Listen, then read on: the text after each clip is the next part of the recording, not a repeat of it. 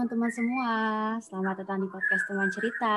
Masih bersama aku Ebat yang akan menemani teman-teman untuk mendengarkan cerita di podcast ini. Gimana nih teman-teman kabarnya hari ini? Semoga selalu diliputi oleh hal-hal yang baik dan bisa lebih atau semakin mensyukuri apa yang teman-teman dapatkan hari ini ya.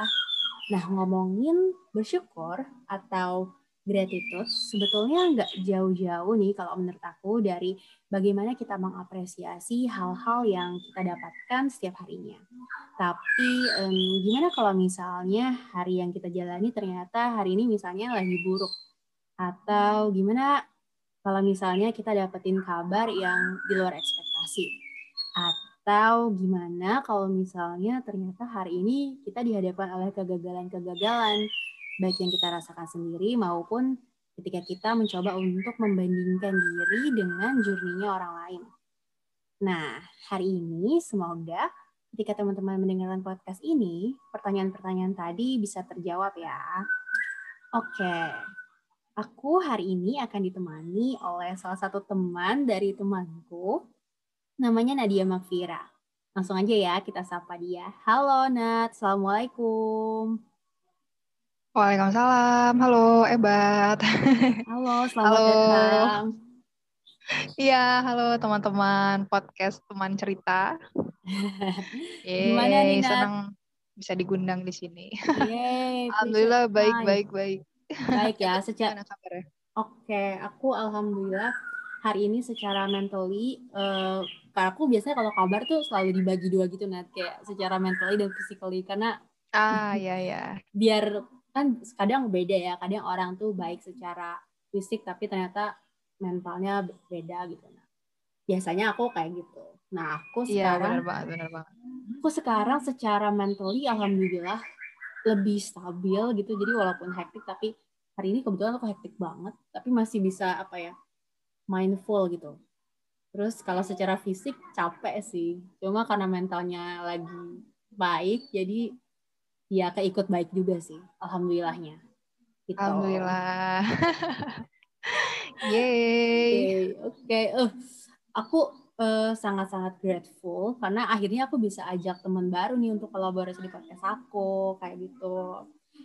Nah, buat teman-teman yang lagi dengerin podcast, jadi kenapa sih aku ajak Nadia gitu untuk ngomongin hal ini, ngomongin topik seputar gratitude karena uh, menurutku Nadia ini adalah apa ya uh, suka sharing gitu kan seorang teman yang suka sharing atau bercerita soal mental dan spiritual health terutama dalam perspektif psikologi Islam. Jadi kalau misalnya teman-teman di Instagram teman-teman bisa lihat ada at journey dot into yourself atau journey titik into yourself. Nah menurut aku akun ini tuh spiritnya aku suka banget karena selain visinya pengen membantu orang-orang untuk bertransformasi best version of themselves nah akun ini juga kayak ngasih inspirasi dan mungkin ngasih apa ya semacam solusi dari kegundahan-kegundahan gitu dan ya itu dia makanya. Jadi aku tuh pengen banget ngomongin gratitude tapi dalam perspektif yang lebih berbeda atau lebih luas nih. Karena kan Nadia ini kan uh, punya apa ya punya spesialisasi untuk ngomongin mental atau spiritual health dari psikologi Islam nih dan aku ngerasa ini kalau dikombinasiin atau misalnya kasih perspektif ke topik ini gitu untuk teman-teman dengerin akan jadi lebih menarik dan mungkin bisa bermanfaat. Semoga untuk teman-teman yang lagi dengerin. Kayak gitu, Nat. Wah, mulia banget ya misinya Ebet. iya dong, kan jadi bermanfaat ya buat teman-teman pendengar uh, podcast sama cerita. Amin. Sebenarnya sih mungkin ini dulu ya sekaligus kenalan iya, dan ya, bener, disclaimer dulu kali ya. Iya, aku betul. Nadia. Uh, sebenarnya sih ini sih aku nggak mau bilang aku tuh expert gimana gitu-gitu ya, karena hmm. emang masih belajar sih gitu. Uh, emang jujur kan uh, sempat emang dulu kan aku S1 tuh bukan psikologi ya, terus emang iya. ngambil yeah. lagi uh, kuliah psikologi Islam. Cuman sekarang emang lagi pending dulu sih gitu hmm. gitu. Terus uh, kalau sekarang juga lagi uh, belajar-belajar tentang psikologi Islam gitu di komunitas. Jadi uh, dibilangnya apa ya? Uh, mungkin sharing aja kali ya dari hasil yang apa aku pelajari atau yang mungkin sudah aku praktekkan dalam uh, hidup sendiri gitu kan. Yes, yes. Oh sama mungkin ini sih, iya hmm. iya benar aku juga lagi uh, aktif kadang-kadang ya oh sekarang lagi off dulu ya lagi uh, aktif bikin misalnya konten berkaitan tentang psikologi Islam di Instagram aku pribadi mm-hmm. terus juga di yang Journey to Yourself juga sama aku ini juga sih uh, talent mapping practitioner gitu jadi kayak wow. tes bakat gitu konsultan tes bakat gitu lah gitu. Keren keren keren wow. Apa nanti Instagramnya mungkin teman-teman di sini bisa nanti ngecek Instagram kamu juga nih biar kayak dapetin manfaat dari apa yang kamu sharing. Oh ya, uh, at Nadia M Vira. Oke, okay, Nadia, Nadia M Vira. Nama okay. panjangnya. Ya, yeah, oke okay, oke. Okay. Thank you, thank you Nat for sharing. Ya. oke, okay. jadi kita mulai aja nih ya. Jadi kayaknya aku mau mulai pertanyaan pertama. Nih, seperti yang aku udah sampaikan Ninat di awal. Kalau hmm, buatku secara personal, kalau uh, gratitude itu nggak jauh-jauh dari gimana kita bisa menerima dan mengapresiasi hal-hal yang hadir di dalam hidup kita ataupun keseharian kita, baik secara tangible ataupun intangible gitu. Jadi um, apa ya kayak ukurannya itu nggak bisa berdasarkan benda aja gitu. Terus tambahannya lagi menurutku juga gratitude itu jadi bukan bukan sekedar perasaan tapi juga perjalanan gitu perjalanan yang jadi elemen penting untuk aku lebih bisa mencintai diriku sendiri kalau dari kamu nih Nat menurut kamu gratitude itu apa? Oke okay.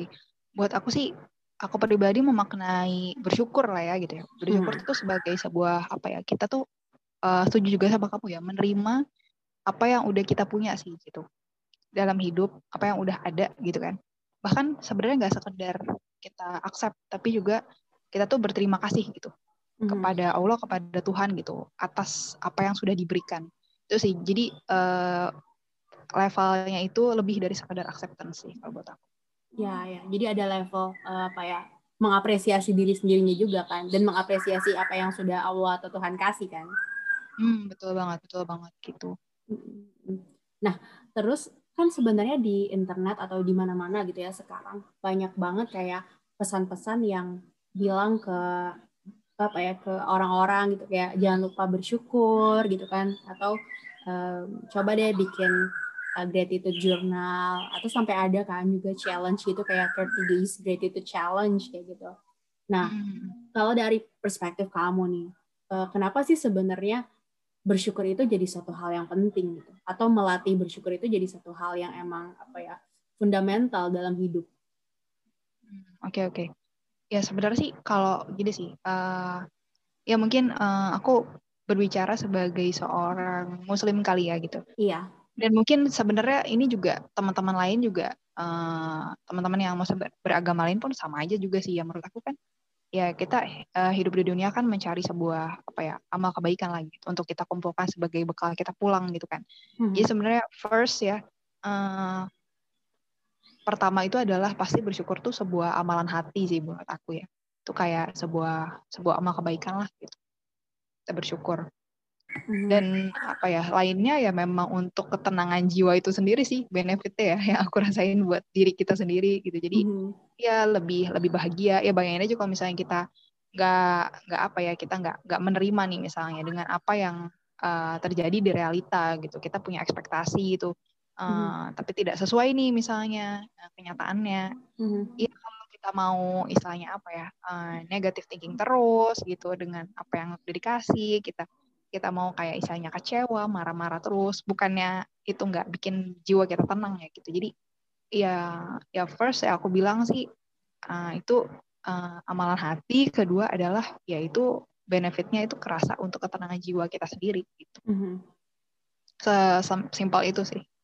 Oke okay, berarti tapi maksudnya walaupun sesimpel itu justru itu yang emang bener-bener dicari gitu kan. Karena aku pun ngerasain banget ketika ketika jiwanya ini gak tenang tuh kalau nggak mau ngapa-ngapain ya nggak enak aja gitu kayak mau ngelakuin betul, hal betul. lain tuh jadi kayak terbatas aja gitu tapi batasannya itu di di apa ya diakibatkan oleh diri sendiri yang emang sendiri.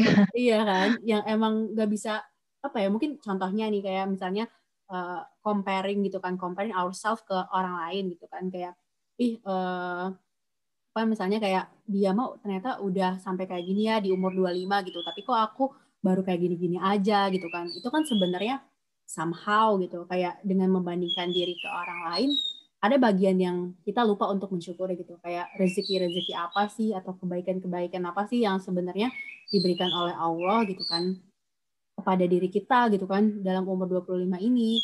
Padahal kalau misalnya di list lagi gitu kayak aku waktu awal uh, akhir tahun akhir tahun 2020 kemarin kan aku termasuk tipikal orang yang bikin resolusi ya Nat. Iya iya iya. Aku jadi, juga sih sama. jadi uh, jadi aku cari dulu gitu. Sebenarnya pertama aku cari dulu uh, penting gak sih bikin resolusi itu gitu? Oke okay. terus habis itu dan apa sih fungsinya bikin resolusi dan gimana sih caranya gitu untuk bikin resolusi? Uh, ternyata hal yang diberitahukan artikel yang aku baca itu caranya yang pertama sebenarnya nggak dengan kamu menulis apa dulu yang pengen kamu mau capai gitu. Tapi dengan menuliskan dulu nih hal apa sih yang kamu pelajari di tahun 2020 selama tahun 2020 gitu? Atau hal apa sih yang bisa kamu syukuri? Nah nah, nah setelah itu gitu aku yang awalnya ngerasa tahun 2020 itu ngerasa apa berat banget ternyata ketika aku list wah aku mendapatkan pelajaran yang banyak banget. Kayak gitu aku ngerasa kayak wah ternyata aku sebenarnya nggak nggak perlu gitu comparing diri aku ke journey orang lain gitu ternyata Allah itu kasih sesuatu hal yang bahkan beyond my expectation tapi beyond my expectationnya itu kayak lebih baik gitu loh dari apa yang aku inginkan gitu. Bahkan aku dikasih sesuatu yang memang aku butuhkan. Kayak gitu sih kalau aku ngerasa. Hmm, keren banget sih, Bat. Ya itu good learning lah. Iyalah, ya kan? Yay, sebuah pencapaian. Ketika bahkan kita bisa melihat apa ya, pembelajaran apa yang udah terjadi di diri kita sendiri. Iya, benar. Itu kan sebuah pencapaian itu sendiri. Nah, kalau dari diri kamu sendiri, kayak ada nggak sih apa ya uh, mungkin pengalaman pribadi yang yang kamu ngerasain oh oh ini loh berkahnya bersyukur tuh gitu hmm. iya banyak banget sih banyak banget uh, ya pun misalnya mau ngomongin tahun 2020 kemarin ya wah itu sangat apa ya nih kalau misalnya cerita dikit ya. Jadi ayahku meninggal di awal tahun tuh oh iya lagi iya. Terus uh, apa lagi ya? Banyak lah uh, salah contohnya uh, dulu tuh aku kayak punya Iya sempat inilah ya sempat sebelum hijrah gitu ya. Jadi punya punya pacar lah dulu. Jadi itu kesempatan aku nikah gitu. Hmm. terus aku belum nikah. Terus apa lagi ya? Kayak ya kerjaan kantor gitu kan hmm. uh, uh, kalau kantor baik-baik aja sih cuman maksudnya uh, itu kan kayak gitu tuh banyak lah hal di tahun 2020 tuh yang bikin terguncang gitu seandainya aku hmm. tidak bersyukur dengan dengan apa ya dengan keadaan aku gitu mm-hmm. ya mungkin aku bakal stres banget kayak sih gitu kan iya yeah. kok kayak misalnya jodoh belum datang datang juga misalnya kayak gitu mm-hmm. terus kayak kok misalnya uh, eh dia udah dua nikah terus teman-teman sahabat-sahabat aku juga udah pada nikah di tahun 2020 mm-hmm. gitu tuh kayak wah itu tuh sangat sangat apa ya sangat roller coaster banget sih gitu mm-hmm. andai kalau misalnya aku nggak mau terima keadaan oh dia bukan jodoh aku misalnya oh ayah aku memang ditakdirkan untuk meninggal itu kayak hmm. ya udah tidak akan aku baik-baik saja gitu sekarang. Mm-hmm. Gitu sih. It's because uh, alhamdulillah gitu. I am I am grateful. Mm-hmm. Terus hmm, aku jadi apa ya penasaran gitu. Maksudnya dari roller coasteran yang kamu rasakan gitu di tahun 2020 itu. Kan kuncinya itu kan kamu pertama menerima kan. Kayak how gitu how to start accepting um, everything in your life gitu kayak maksudnya itu kan kabar kabarnya nggak mm, bukan kabar baik gitu kan. Kayak iya iya bagaimana cara kamu untuk menerima hal tersebut gitu. Kayak butuh waktunya tuh ada tahapan-tahapannya gitu nggak sih ketika kamu mulai menerima itu gitu hmm, pasti uh, ada banget ya uh, ya aku sih kalau aku nggak mau ya denial dengan apa yang aku rasain. Jadi buat aku ya nangis nangis. Aku bilang misalnya aku sedih sedih, aku kecewa kecewa. Jadi aku nggak mau mendenialkan perasaanku gitu dan emang nggak boleh juga kan secara secara psikologis itu nggak nggak baik lah gitu. Kita kan butuh untuk mengalirkan emosi kita ya kan. Tapi alhamdulillah tuh itu tidak tidak berlama-lama banget sih. Maksudnya kayak masa yang benar-benar puncaknya banget. Terus ya hmm. nanti ada uh, pemulihan pemulihan recovery-nya tuh nggak nggak begitu lama karena mungkin ini kali bat ya uh, menurut uh, menurut aku uh, orang bersyukur pun ada tahapannya gitu Hmm. Jadi uh, ada leveling lah orang-orang bersyukur gitu.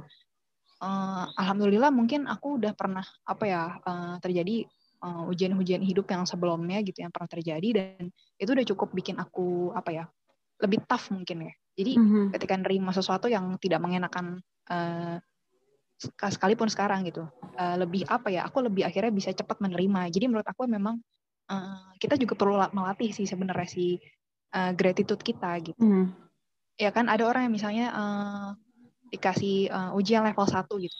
Hmm. Bisa aja kan dia belum menyelesaikan si level 1 itu. Akhirnya misalnya dia uh, kalau dikasih ujian level 2 berat dong misalnya yang lebih berat lagi gitu kan.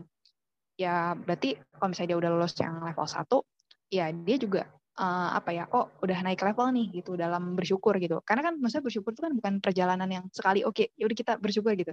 Itu kan perjalanan panjang seumur hidup kan ya nggak sih? Yes ya yes, sebenarnya aku setuju kan, banget.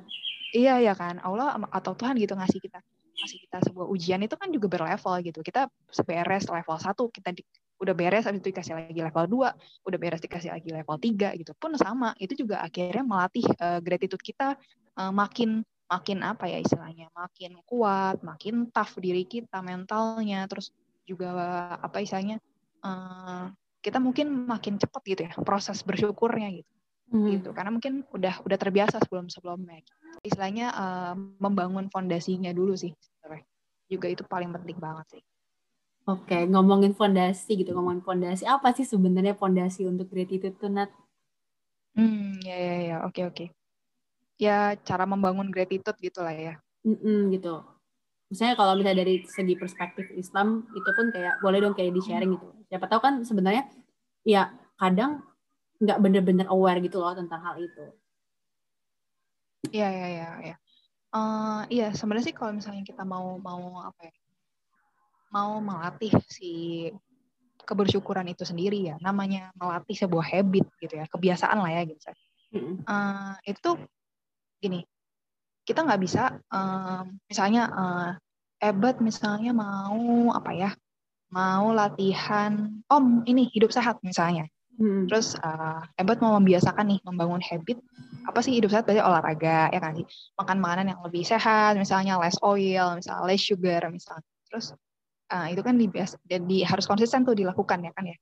Hmm. nah menurut aku uh, itu tidak akan long last gitu ya uh, terjadi. Kalau kita tidak paham betul sebenarnya uh, kenapa tujuan kita melakukan itu sih gitu. Hmm gitu. Atau kayak kita nggak punya punya uh, strong why kenapa kita melakukan itu gitu. Oke. Okay. gitu. Jadi misalnya kayak abad mungkin kayak oh sekadar dari ya udah misalnya uh, oh gue pengen ikut ikutan lah gitu. Uh, karena emang lagi tren aja gitu uh, mm. hidup sehat gitu misalnya. Ya menurut aku sih itu nggak akan nggak akan kuat bertahan. Nggak akan bertahan lama ya? Ah nggak akan bertahan lama gitu. Ya habit itu uh, based on uh, seberapa kuat sih strong why kita gitu. Itu yang akan lebih memudahkan kita akhirnya bisa terbiasa melakukannya. Kita akan konsisten dan tanpa kita kayak dipaksa. Jadi emang hmm. perlu perlu strong why-nya. Misalnya kalau tadi uh, kenapa misalnya pengen hidup sehat? Oh ya karena sebelumnya pernah sakit misalnya. Atau hmm. misalnya kayak oh ada keluarga yang sakit terus jadi bikin kita tuh um, kita nggak mau lah kayak gitu gitu. Itu akan lebih lebih kita punya reason Alasan, gitu ya. untuk melakukannya ha, gitu.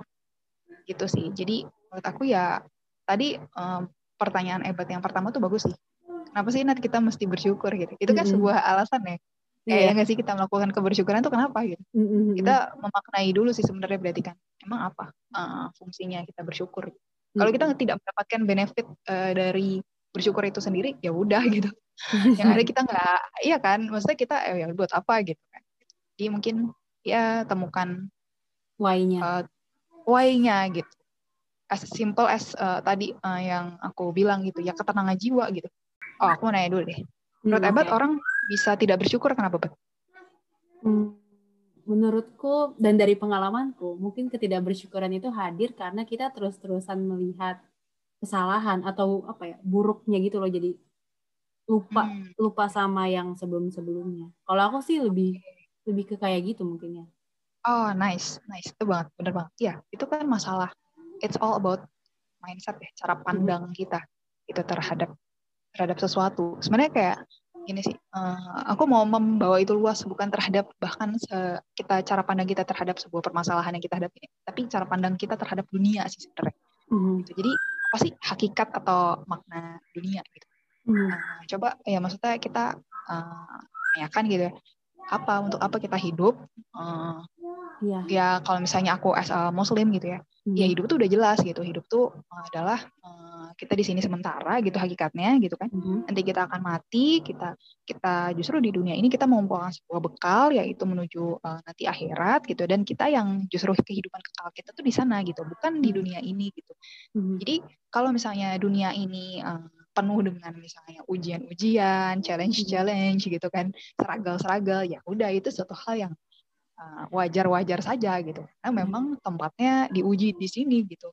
Uh, dan apa ya? Dan itu akan ini sih, Bat, itu yang akan uh, membuat cara pandang ya buat buat aku ya, itu cara iya. pandang yeah. yang bikin akhirnya oh iya ya maksudnya kalau misalnya memang ada ketidaksempurnaan ya memang memang di sini kita uh, perlu apa ya perlu ketika memandang dunia memang kita perlu perlu ya udah bukan santai aja istilahnya kayak oh ya udah ya ini kita kita lagi diuji gitu mm. ini kan kita lagi naik uh, naikin levelnya gitu sama mm. Allah gitu jadi mm. ya kenapa maksudnya sedih pasti sedih ya gitu mm. kita kita punya punya misalnya uh, down down lah gitu diri kita mm. sendiri gitu awalnya tapi ya tidak akan yang sedih sedih yang berkepanjangan gitu kita tidak akan yang kayak uh, apa ya frustasi yang berkepanjangan mm-hmm. gitu sih uh, ya akhirnya mungkin itu ya yang cara pandang itu kalibat karena beda sih misalnya orang misalnya nih uh, cara pandang melihat dunia kalau oh dunia itu adalah penuh dengan masalah gitu penuh mm. dengan penderitaan mm. ya apa yang maksudnya nanti dia akan akan dapatkan gitu ketika mm. dia hmm. berpikir bahwa ya dunia itu permasalah ya udah masalah aja yang didapetin iya iya benar iya nggak sih maksudnya iya, kan Uh, apa you are what you think gitu iya nggak sih kalau betul, emang betul. mau negatif terus ya udah dapet yang negatif terus mm-hmm. kalau kita mikir kok oh, ini amanah kita sedang menjalankan ini sebagai kendaraan uh, mengumpulkan bekal ya udah gitu kita kan melihat itu sebagai uh, uh, apa ya hal yang positif gitu.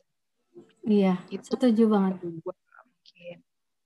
Terus itu kalau secara fondasi sih buat menurut aku mm-hmm. kalau secara fondasi yang yang apa ya yang kuat banget lah untuk untuk uh, membangun sikap apa ya gratitude itu sendiri gitu. Makin memperkuat mental kita. Kayak buat hal-hal lain sih menurut aku kayak uh, bisa juga dengan gini sih uh, biar kita ngerasa mungkin kita uh, bisa apa ya bersyukur gitu ya mm-hmm. kebersyukuran itu gini sih uh, orang ada rasa tidak bersyukur misalnya ya apa pun ya dengan perasaan-perasaan negatif lainnya mm-hmm. itu wajar sih gitu itu ada di dalam diri dia tuh wajar lah gitu ketika dia mm-hmm. mengalami sebuah kejadian yang tidak enak tapi mungkin uh, itu akan bisa terkurangi ketika kita bisa problem solve masalah kita sendiri gitu mm-hmm. Itu misalnya uh, gini kan gini uh, ada nih orang yang punya punya karakter dia pelit misalnya kelihatannya nih Iya. Kalau misalnya ah, lu kalau pelit banget sih misalnya. Tapi kayak dipikir-pikir sebenarnya gini ya, manusia kan kalau kalau buat aku pribadi aku menganggap manusia tuh suci gitu. Jadi hmm. emang emang secara nature gitu. Sebenarnya manusia akan akan eh, kecenderungan untuk berbuat baik gitu. Tinggal sebenarnya gimana dia uh, yang bikin dia apa ya? misalnya lalai gitu itu adalah kayak dia dia kurang bisa ngendalin hawa nafsunya aja gitu. Hmm. gitu kan kalau hawa nafsu kan akan selalu ada kan di diri kita kan kita kita kita desire pengen apa pengen apa kita kita apa sih ya, misalnya eh, cinta dengan kekayaan cinta dengan popularitas gitu ya hmm. cinta dengan orang misalnya yang bahkan uh, misalnya apa ya ya di dunia ini kan kita nggak punya apa-apa gitu kan sebenarnya uh, hmm. ikatnya tapi cinta sama orang-orang di dalamnya gitu harta-harta yang kita punya itu secara berlebihan gitu ya apa ya uh, itu akan selalu ada gitu hawa nafsu itu. Cuman ya itu bisa kita kontrol sih sebenarnya gitu kan. Kita hmm. perlu melatih itu memang gitu. Jadi menurut bagi aku sih manusia nggak ada yang sebenarnya punya kecenderungan untuk uh, berbuat jahat deh gitu. Hmm. gitu. Pun sama misalnya ada orang yang ya entah punya karakter, punya punya apa ya perilaku, akhlak yang kurang baik misalnya pelit tadi misalnya. Hmm. Tapi itu ini sih perlu dicari tahu sih sebenarnya root cause-nya dia tuh kenapa kayak gitu. Kenapa sampai pelit gitu jadi, ya? uh, uh, uh, kenapa bisa sampai pelit karena nggak mungkin sih orang tuh uh, apa ya tiba-tiba pelit kayak iya tiba-tiba pelit ada orang misalnya mau mau minta sedekah terus dia nggak ngasih itu kan nggak kayaknya kayak nggak ada deh orang yang kayak gitu banget gitu. tapi bisa jadi misalnya uh, dulu-dulu ya di masa kecil dia uh, punya punya apa ya punya sesuatu nih gitu kan terus dia harus berbagi misalnya dengan saudara-saudaranya atau dia terbiasa dia nah, misalnya tidak punya hak milik gitu terhadap sesuatu gitu dirampas lah hak miliknya hmm. misalnya hmm. kita tuh kan nggak tahu ya maksudnya journey orang dari dia lahir dia iya. kecil yeah. remaja gitu kan dan Betul. ya gimana orang tuanya didik gimana lingkungan sekitarnya jadi bisa jadi hmm. kayak dia ngerasa ketika dewasa enggak gue sama ini hak gue selalu dirampas gitu kayak gue gak punya pemilikan terhadap sesuatu. Jadi makanya ketika dia punya sesuatu dia akan menggenggam itu dengan dengan erat-erat gitu. Iya. Jadi mungkin bisa jadi dia bukan pelit gitu. Iya, jadi bener, dia bener. emang emang punya masa lalu yang uh, luka yang itu menyakitkan buat dia gitu. Iya. jadi ya mungkin kita perlu juga nih uh, ngelihat juga sih uh, di diri kita gini. Apa sih uh, ahlak-ahlak yang belum baik dari diri kita gitu? Hmm. ya perilaku lah uh, yang, yang mungkin wah apa uh, misalnya gampang marah misalnya mm-hmm. lagi ya uh, ya tadi kok kita nggak nggak bisa sabaran orangnya. Kok yeah. susah buat bersyukur. Tuh kenapa ya itu kenapa? Kenapa kita kayak gitu, gitu? Coba cari cari ini sih cari akar permasalahannya kenapa kita kayak gitu. Hmm. bisa jadi ada sesuatu yang pernah terjadi. Gitu oke okay, oke. Okay. gitu sama okay. ah jadi panjang nih mbak. Nggak apa-apa. Sama ini sih uh, pertama gini kayak kadang orang uh, jadi nggak bersyukur gitu dengan dengan, dengan realita yang ada ya dengan realita yang dia ya terjadi atau kayak dengan dengan apa yang udah dia punya sekarang tuh karena memang ya masalah ekspektasi sih ya gitu. Ekspektasinya eh, ekspektasi itu nggak tidak salah sih sebenarnya. Cuman karena ada orang yang kayak nggak nggak sadar nih gitu. Dia punya ekspektasi yang tinggi tapi dia tidak sadar kalau dia nggak punya belum belum bukan nggak punya belum punya kapasitas diri yang memenuhi untuk uh, menuju si ekspektasi itu gitu kan Iya nggak sih?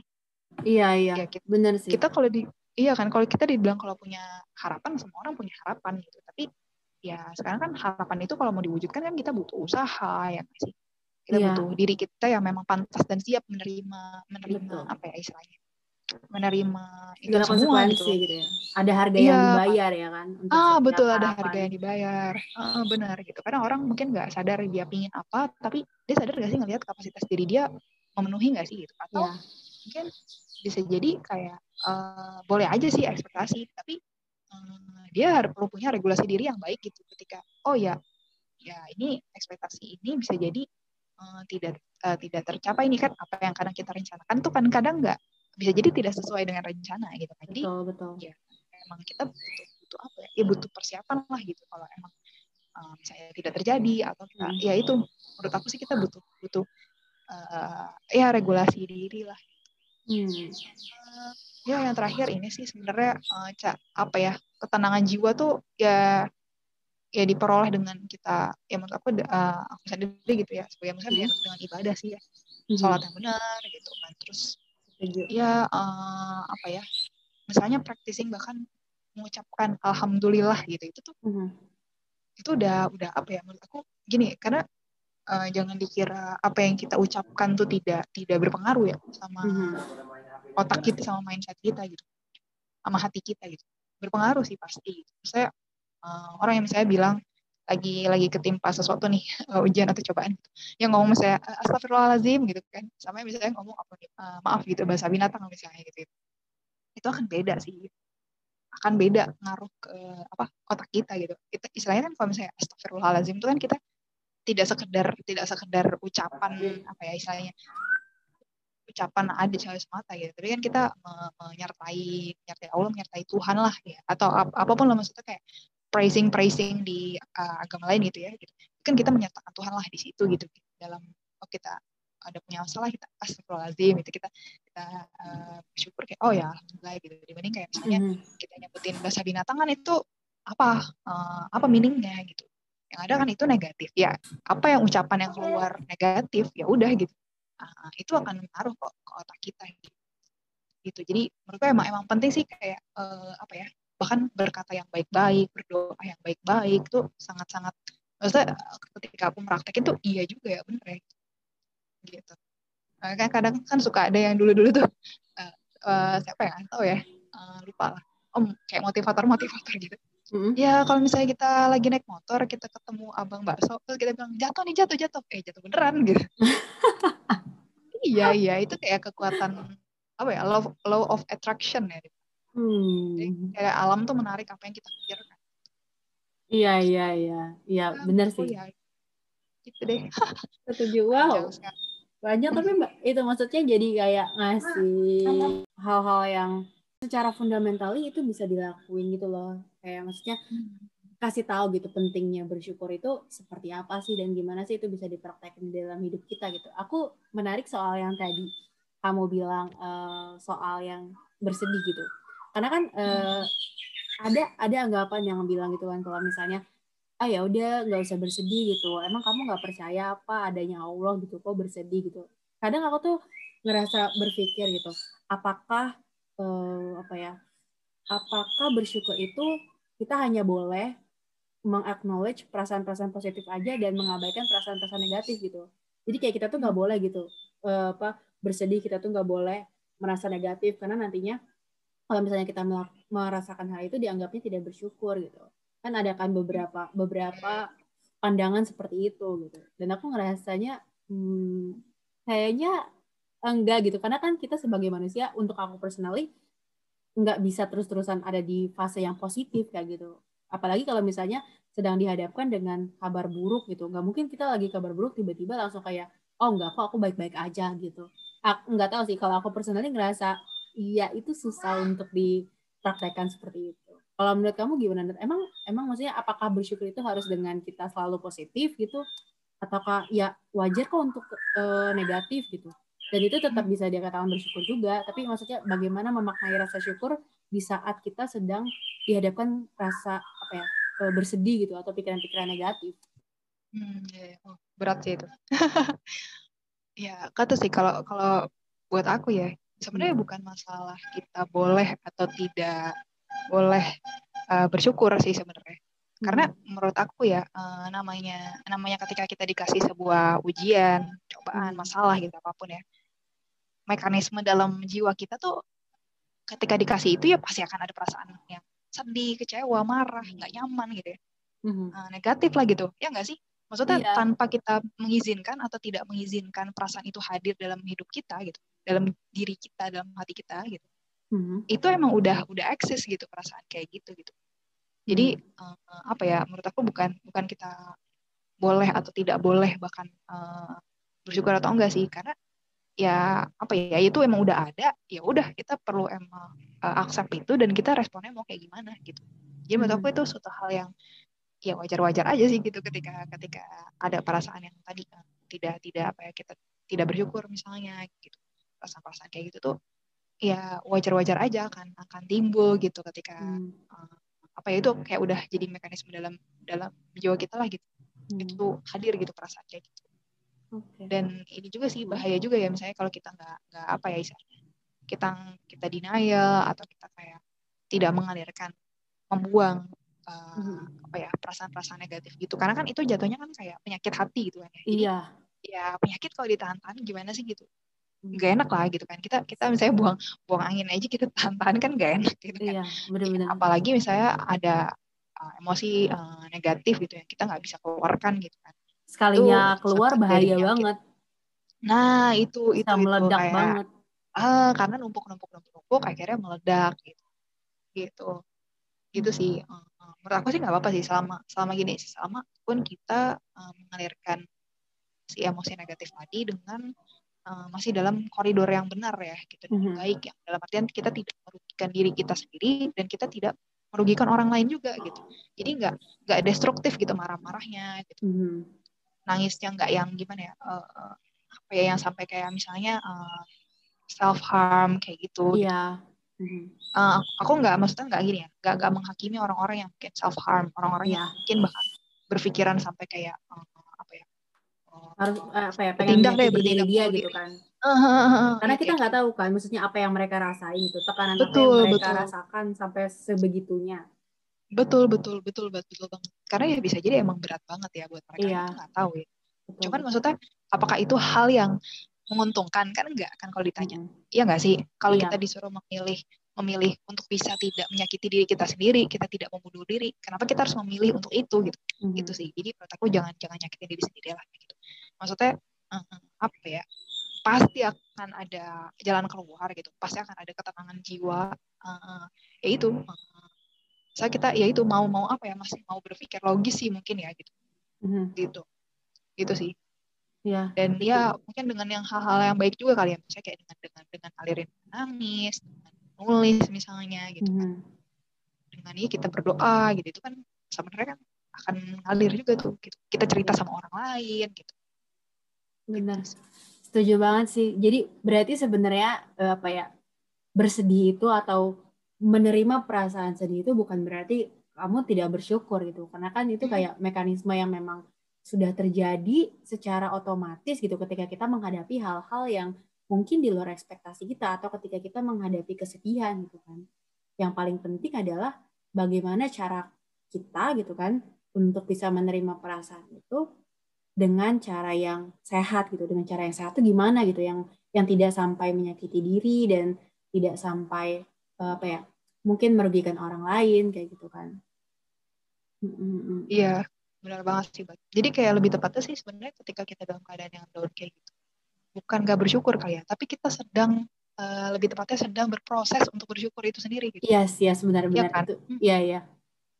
Iya karena kan bagian bagian dari kita kayak ya udah kita ngalir emosi kita butuh menerimanya kita kita butuh hmm. mungkin questioning dulu nih kenapa ya kok kejadiannya jadi malah kita gitu. Kita butuh refleksi diri itu evaluasi diri gitu. Iya betul betul. Sebelum kita benar-benar bersyukur yang benar-benar kita mindful gitu. Bersyukur hmm. yang benar-benar ikhlas yang bukan karena terpaksa ya gitu. Karena iya. memang kita mau benar-benar bersyukur. Ah, ah, ah, ah. benar-benar. Karena karena apa ya? Ya balik lagi gitu sih. Maksudnya um, bersyukur itu sesuatu hal yang kalau buat aku pribadi hal yang harus dilatih. Kayak yang udah kamu bilang juga kan tadi kan waktu di awal bersyukur itu sebenarnya ya nggak bisa dalam satu kali satu kali kejadian nih oke okay, gitu. Langsung uh, untuk hari itu dan ke depannya kamu jadi bisa otomatis langsung bersyukur tanpa menjalani proses penerimaannya yang mungkin untuk setiap orang punya waktu yang berbeda ya untuk menerima itu. Kayak mungkin untuk kamu misalnya kayak aku nih lagi dihadapkan sama kegagalan oke. Okay. mungkin uh, kalau aku nggak bisa nih seminggu langsung bounce back gitu. Kayak aku perlu mungkin kayak dua minggu gitu sambil kayak berefleksi dan tetap punya keinginan untuk memperbaiki apa yang udah menjadi kegagalan dan menerima kegagalan itu gitu. Karena kan tiap orang penerimaannya beda-beda ya, Nat. Hmm, betul, betul. Mm-mm, jadi ya, ya itu tadi sih yang apa yang aku bilang um, apa sih leveling orang menghadapi iya. ujian kan beda-beda juga gitu. Dan itu memang jam terbang aja sih. Hmm, dan tadi sih aku suka banget yang tadi Nadia bilang gimana cara kita mendekatkan diri kepada yang menciptakan kita gitu. Mendekatkan diri kepada Allah gitu. Mendekatkan diri kepada Tuhan karena jujur itu yang ketika aku melakukan itu ada perasaan lain yang memang bikin tenang gitu sih Nat. Secara bertahap gitu. Hati aku tuh yang awalnya nyesek banget itu tuh perlahan-lahan tuh jadi kayak lebih lebih apa ya lebih damai gitu kan. Lebih lebih tenang. Justru hmm. karena maksudnya itu yang aku cari gitu. Bahkan kayak aku tuh minta uh, aku mintanya apa ya waktu itu? Aku lebih ke minta kayak untuk dilapangkan gitu. Dilapangkan selapang-lapangnya hati aku untuk menerima apa-apa yang memang ditakdirkan uh, kepada aku kayak gitu. Karena yang aku pengen waktu itu kayak bener-bener ya udah gitu. Eh, nggak uh, apa-apa uh, maksudnya kegagalan itu ya udah nggak apa-apa gitu. Kesedihan itu ya udah nggak ya udah maksudnya itu yang memang mungkin harus aku rasakan. Tapi yang paling penting adalah sekarang Kayak ya Allah, hamba mohon kepadamu, tolong berikan kelapangan dada, kelapangan hati yang selapang-lapangnya agar hamba bisa menerima uh, apa ya hal-hal yang mungkin memang terbaik untuk hamba menurutmu gitu ya Allah. Nah kayak gitu-gitu kan pokoknya. Dan aku ngerasain apa ya, mungkin ya ini mungkin lebih ke religious experience kali ya. Hmm. Dan ya ya itu maksudnya Allah tuh kayak ngerasa perlahan-lahan ngebantu aku untuk bisa nerima itu semua. Dada aku perlahan-lahan yang tadinya sesek. Terus habis itu, maksudnya seseknya sesek yang sakit gitu loh, sesek sakit hati gitu loh, bukan yang sesek kayak susah nafas. Iya, yeah, yeah. Nah, itu jadi kayak jadi bisa lebih lebih enak kayak gitu-gitu. Terus nggak tahu sih, mungkin ini lagi-lagi kayak religious experience, aku tuh kayak berasa dipeluk gitu loh ketika aku mengadu kepada yang punya alam semesta ini gitu. Kayak itu ngerasa hmm, sesuatu hal yang bikin tenang gitu loh. Karena kan maksudnya uh, apa ya? Uh, uh, jarak kita ke yang menciptakan itu kan yang menciptakan kita gitu kan. Kalau misalnya aku sebagai seorang muslim berarti jarak jarak aku kepada Allah itu bagaimana tergantung aku memandangnya gitu kan tergantung bagaimana aku memikirkannya kan bahkan ketika aku mulai bersyukur dan aku mendekatkan ke yang memang menciptakan alam semesta ini gitu yang punya segala macam kekuasaannya itu sih. Alhamdulillah. Ya alhamdulillah nice story. Iya. Tadi kan kamu juga sempat uh, uh, bilang gitu kan kalau misalnya uh, mungkin kayak kita ambil contoh orang yang mencoba untuk menyakiti dirinya dengan berbagai metode gitu kan. Kan banyak kan sebenarnya metodenya gitu kan. Maksudnya uh, seberapa besar sih gitu lingkungan pertemanan atau lingkungan sosial itu bisa mempengaruhi perasaan kita untuk lebih mindful dalam mensyukuri gitu. Untuk lebih untuk lebih bisa un, dalam menanggapi keadaan-keadaan negatif gitu. Pasti ngaruh banget ya bat ya. Maksudnya eh, nggak uh, cuman teman-teman itu atau lingkungan sekitar tuh sebagai istilahnya apa ya support system gitu ketika kita down gitu ya. Tapi juga hmm. ya itu akan memengaruhi sih sebenarnya uh, cara pandang kita gitu kan ya. Cara gimana kita berpikir gimana kita berperilaku berbicara gitu. Itu akan ngaruh banget sih.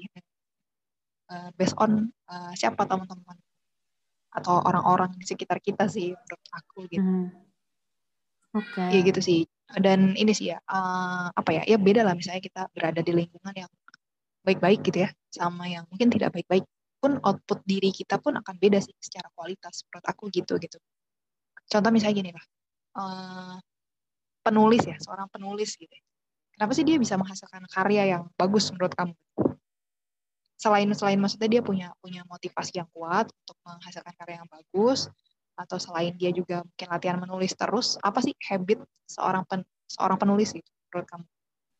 Karena dia apa ya punya inspirasi di sekelilingnya nggak sih untuk dia bisa menghasilkan cerita itu gitu. Terus karena dia sering sering baca literasi yang lain gitu buat dia kasih inspirasi ke ceritanya dia gitu, biar relate ke orang-orang sekitarnya. Nah itu itu tepat banget gitu. Ya karena itu karena seorang penulis tuh nggak mungkin ya kalau dia tidak suka membaca buku menurut aku. Iya. Karena pasti dia akan baca buku dan dia akan baca buku-buku yang berkualitas pasti gitu.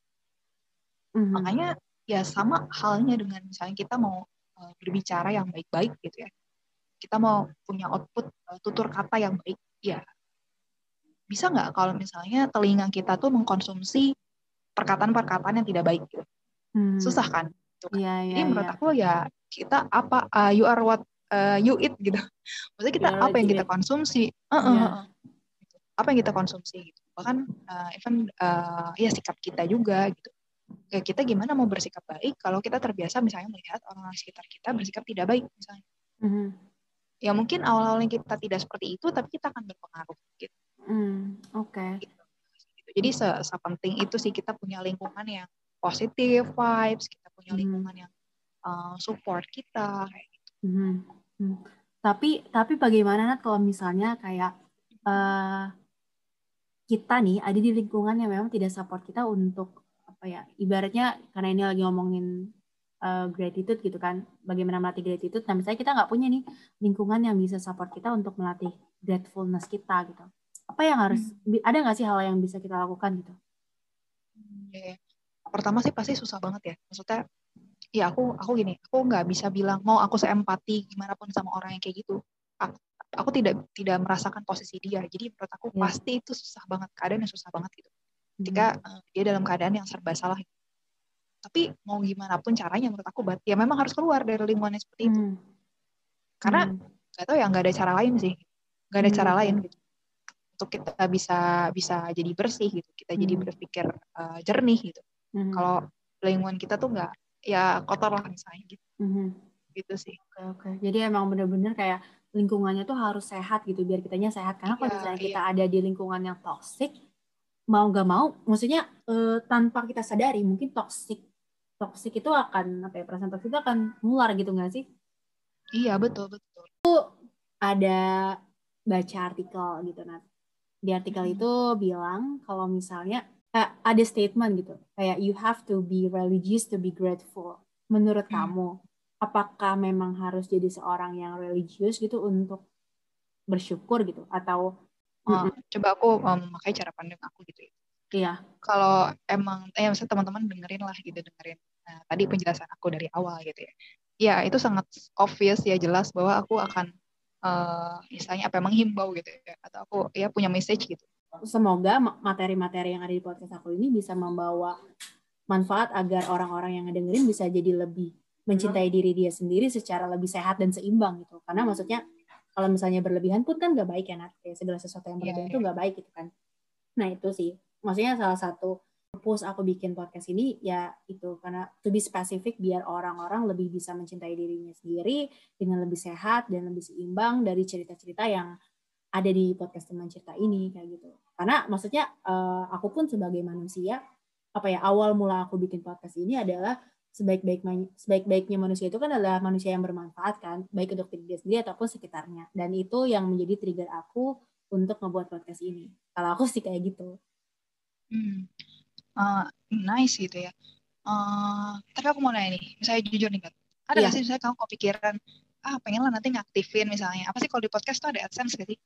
Oh iya iya iya, uh, ada ya, kayak ada sih iklannya gitu sih uh, iklan. Atau misalnya okay, kamu okay. pengen kayak oh dikenal lah. Di maksudnya kamu kelihatan kayak punya karya kamu punya uh, punya iya. apa ya maksudnya secara jujur maksudnya nggak apa-apa ya tidak salah iya, ya iya, iya, iya, iya, betul, betul.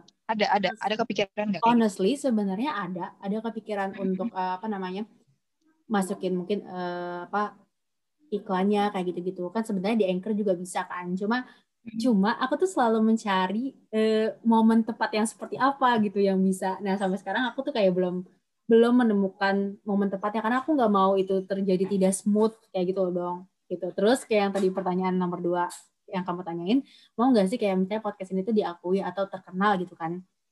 Mm. ya aku personally akan jawab iya karena aku menganggapnya ketika aku mulai dikenal gitu berarti dampak yang aku buat itu akan lebih luas. Aku mikirnya segitu sih. Ya yeah, yeah. tapi uh, top of mind kamu yang pengen uh, ada manfaat buat orang lain tadi kan saya iya, betul. tujuan first uh, tujuan kamu gitu kan iya iya nah, itu iya. sih itu sih menurut aku gini ya um, orang ya melakukan sesuatu itu pasti ada tujuan gitu. tidak mungkin dia tidak punya tujuan tidak punya tendensi gitu nggak mungkin gitu mm-hmm. dan ya orang tuh ada macam-macam ya melakukan sesuatu misalnya dia bikin karya ya karena mm-hmm. misalnya materi kah karena misalnya seeking for popularity gitu mm-hmm. uh, ya nyari kedudukan lah gitu atau ya lain-lainnya lain-lainnya dapat pujian gitu mm-hmm. ya gini sih uh, it's okay gitu ya dengan dengan maksudnya purpose yang ya kan itu terserah pilihan dong itu kan pilihan masing-masing orang tapi mm. apa sih gitu ya uh, kalau ditanya gitu ya uh, ya rata-rata sih ya maksudnya aku uh, ini mm, meng, meng apa ya, mengobservasi atau kayak baca mm. karya-karya orang pemikiran-pemikiran orang lain tentang the reason why mereka berkarya gitu ya itu pasti karena mereka mau ngasih manfaat buat orang lain gitu mm. itu kayak misalnya apa ya uh, leveling tertinggi gitu ya dari uh, purpose mereka gitu. Mm-hmm. Jadi lebih dari sekedar kayak uh, apa ma- mau nyari materi doang, mau nyari istilahnya popularitas doang. Wah, mm-hmm. walaupun itu secara saya mau nyari followers doang yang naik eh, biar bertambah gitu ya. Walaupun itu satu hal yang manusiawi aja gitu dilakukan. Yeah. Tapi pasti orang tuh akan mencari sebuah sebuah meaning gitu ya dari dari apa yang dia lakukan sih sebenarnya gitu. Mm-hmm. Itu kayak menurut aku naturally manusia tuh akan seperti itu sih. Gitu. Jadi selalu ada uh, apa ya high purpose gitu purpose yang paling tinggi yang sebenarnya uh, ketika mereka belum mencapai itu mereka belum merasa puas mm-hmm. uh, batinnya gitu mm-hmm. gitu ini aku pernah ini sih pernah pernah apa ya pasti kajian dari Ustadz Noman oh, Alihan kalau ah. suka uh, kalau suka nonton uh, beliau gitu ya ya gitu kata Ustadz Noman Alihan ya memang ada ada ada apa ya ada tingkatannya gitu ketika manusia punya tujuan dalam melakukan sesuatu dan yang hmm. memang kita akan paling ngerasa kayak wah ketenangan jiwa yang kebahagiaan yang paling hakiki banget gitu ya hmm. itu adalah ketika kita eh memang mencari sesuatu itu karena karena Allah gitu keriduan hmm. Allah hmm. bukan karena karena apa ya karena materi uh, karena lain-lainnya popularitas hmm. gitu ini ini gini ya uh, ini akan sulit didapatkan atau dirasakan gitu kalau memang uh, mungkin belum belum apa ya ya belum belum mencapai ke sana gitu. Tapi kan mm -hmm. maksudnya kan manusia berproses ya. Yes. Tapi once ketika kita ada di situ itu pasti akan bahagia banget sih rasanya mm -hmm. bahagia di uh, apa ya tidak sebanding gitu dengan apa pun. Kadang kan bisa gini kita bahkan ngelihat uh, gini ya Ebet saya kan sekarang belum belum misalnya ya nggak ada bayaran lah ya kan melakukan ini semua. Tapi iya. karena fokusnya Ebet untuk manfaat buat orang. Ada nggak sih Ebet perasaannya kayak kok sebenarnya gue nggak dibayar tapi kok gue kayak nggak tahu ya ketika orang misalnya mendengar podcast gue terus uh, orang uh, dapat manfaat loh. Misalnya ada yang sampai ngomong eh bet makasih ya kamu udah bikin podcast uh, teman cerita. Ini menginspirasi aku banget gitu ya. Itu seneng gak sih bet gitu? Itu lebih bahagia dibanding kayak kamu dapat apa ya dapat uang gitu nggak sih? Kadang-kadang. Iya iya iya. Aku juga uh, ada ada pernah gitu kan kayak yang ngasih apa semacam ya testimoni gitu, gitu ya, ya feedback exactly feedback. Nah itu kayak uh, makasih ya gitu. Misalnya feedback positif kan ke podcastnya karena karena, karena udah ngerasa apa ya kayak terbantu atau karena ngerasa ini bermanfaat. Itu sebenarnya nggak sih apa ya kayak spark joy yang beda gitu loh. Mm-hmm. dan aku tuh ngerasa kayak oh ternyata ada yang terbantu gitu ya ada yang ngerasain manfaat dari apa yang aku buat dan itu tuh ngerasa apa ya ngebikin aku alhamdulillahnya jadi punya kesenangan yang berbeda gitu. Karena kesenangannya itu akan beda gitu loh, dari yang kesenangan yang misalnya ketika aku dapat satu apa ya hadiah materi itu berbeda gitu kesenangannya. Aku nggak bisa jelasin secara gamblangnya sih, karena itu dirasain sih lebih ke dirasain. Iya, iya benar kan, benar kan itu dirasain kan. Iya ya itu betul, sih. Betul. Uh, ya emang uh, ini juga kan ada aku juga ini pernah baca buku uh, mungkin kalau Ebet pernah baca uh, Man Searching for Meaning pernah tahu Victor Frank. Iya iya aku pernah tahu. Pernah baca ya. Mm-hmm. Jadi misalnya ini singkatnya misalnya buat teman-teman podcast, teman-teman pendengar podcast teman cerita gitu ya. Jadi uh, Victor Frank itu kan salah satu uh, ya tokoh psikologi lah gitu kan. Uh, beliau tuh bawa uh, teori logoterapi namanya. Uh, tapi sebelumnya kenapa beliau bikin buku itu? Itu karena beliau tuh sempat meneliti uh, tahanan uh, ini orang-orang yang ditawan sama Nazi gitu kalau nggak salah. Terus hmm. uh, di situ tuh ini kan ya namanya ditawan gitu kan ya itu gimana sih perasaannya kan nggak ada harapan ya gitu kan ya nggak sih gitu kan nah hmm. tapi uh, ada orang-orang yang berbeda nih ada orang-orang yang dia masih masih misalnya masih kuat hidup sama orang yang udah ya gue bunuh diri aja mati aja gitu nah gitu ada orang yang terbagi kayak gitu kelompoknya gitu nah hmm. terus pas si Victor Frank ini nyari tahu kenapa sih perbedaan uh, si kedua kelompok ini oh ternyata orang-orang yang uh, masih mau bertahan hidup tuh alasannya kenapa? Karena dia punya purpose of life. Hmm. Dia punya tujuan hidup. Gitu. Jadi memang uh, apa ya? Uh, aku mengambil hikmah ya dari baca buku itu adalah ya hmm. meaning hmm. itu adalah sesuatu hal yang emang itu tuh number one gitu sih kenapa ya? Hmm. Uh, jadi jadi menurut aku ya di, di, di diri manusia pun ya uh, namanya kita mencari makanan pun beda-beda gitu kan ya gitu. Ya kalau misalnya sebagai muslim jelas lah gitu, tujuan hidup kita buat beribadah gitu di sini yes, kan. buat beribadah. Ya kan gitu. Hmm. iya nah itu kan sebuah tujuan. Ya kalau kita nggak punya tujuan itu mungkin ya kita ya udah gitu kita akan menyanyikan hidup aja gitu itu sih makanya yang aku uh, maksudnya apa hubungannya sama sama tadi kan gitu. Mm-hmm. apakah harus jadi seorang yang religius dulu buat jadi seorang yang grateful gitu? Nah mm. kalau buat aku sendiri gitu ketika kita melakukan uh, apa ya uh, si sikap ya dibilangnya ya, sikap uh, grateful ini gitu ya itu tuh adalah uh, apa ya itu adalah ibadah ibadah gitu sih. Maksudnya uh, tidak sekedar itu karena karena misalnya melakukan tuh untuk untuk misalnya diri sendiri gitu uh, atau misalnya untuk melakukan itu misalnya kita berbuat baik ya misalnya untuk diri sendiri uh, apa misalnya untuk untuk kita kelihatan di depan orang lain uh, tapi ya menurut aku otoritas tertinggi yang bisa membuat kita ikhlas gitu melakukan segala sesuatu tuh ya kenapa? Karena pencipta kita gitu. Menurut hmm. itu sih uh, fondasi yang kuat gitu untuk uh, kita bersikap baik ya, tidak tidak cuma bersyukur ya gitu kan. Bersyukur salah satu sikap yang baik. Ada yang ya. lainnya ada bersabar, ber, ber apa ya, ber positive thinking misalnya gitu dan lain-lainnya itu menurut aku fondasinya adalah iman itu sendiri gitu. Jadi aku akan mengarahkan sih sebenarnya orang untuk untuk dekat dengan Allah atau Tuhannya mm-hmm. gitu ya uh, dekat dengan uh, agamanya menjalankan agamanya dengan baik gitu ya ya mm-hmm. kalau ya Muslim berislamlah dengan baik gitu ya. mm-hmm. dan benar gitu bertakwalah berimanlah itu untuk mm-hmm. uh, bisa punya uh, uh, akhlak yang baik juga gitu. Mm-hmm. uh, karena apa ya? Uh, oh gini gini aku mau nanya dulu nih. Mm, okay. aku mau nanya bet kamu bikin podcast ini buat apa bet walaupun tadi kamu udah jelasin sih di, di awal. Aku sebenarnya buat podcast ini lebih ke pengen apa ya? Pertama aku pengen memberikan manfaat untuk uh, orang-orang sekitar aku gitu. Terutama karena season 2 ini akan ngebahas most likely tentang self love gitu. Aku pengen pengen kasih tahu gitu bahwa kenapa uh, jadi religius gitu untuk uh, bersyukur? Karena menurut aku uh, cuman iman lah gitu yang bisa membuat kita grateful secara long lasting gitu. Mm-hmm. karena misalnya kalau misalnya kita kayak ya udahlah kita grateful nih. Hmm, dan kita kayak menganggap uh, oke okay lah nggak usah lah nggak usah misalnya bawa bawa agama lah gitu. Mm-hmm. ya udah kita akan akan mungkin di satu satu hal itu doang kita akan bersyukur misalnya. Atau di satu momen doang gitu kita bersyukur. Terus secara secara hmm. secara pragmatis gitu misalnya kayak oh ya udah misalnya kayak uh, ya gue emang harus bersyukur gitu. Ya memang karena karena memang gue pengen meraih keterangan jiwa gitu. Iya memang iya sih tapi kan itu kan kayak ya menurut aku nggak nggak long last gitu.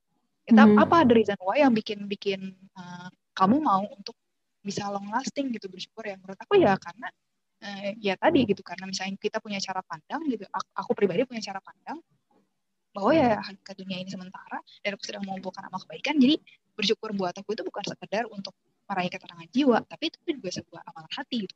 itu juga sebuah amal kebaikan yang nanti mungkin itu akan menolong aku nanti di akhirat gitu. Jadi long last gitu menurutku. Jadi ya itu sih kalau kalau dari aku sih uh, apa ya pandangan aku pribadi ya iman lah yang akan menyelamatkan luar biasa hmm, ya ya ya aku dapat insightnya aku dapat pandangannya kenapa kamu uh, bilang setuju sama statement itu hmm, banyak banget sih ilmu yang didapetin untuk apa ya topik hari ini daging semua sih ya Nat menurut aku.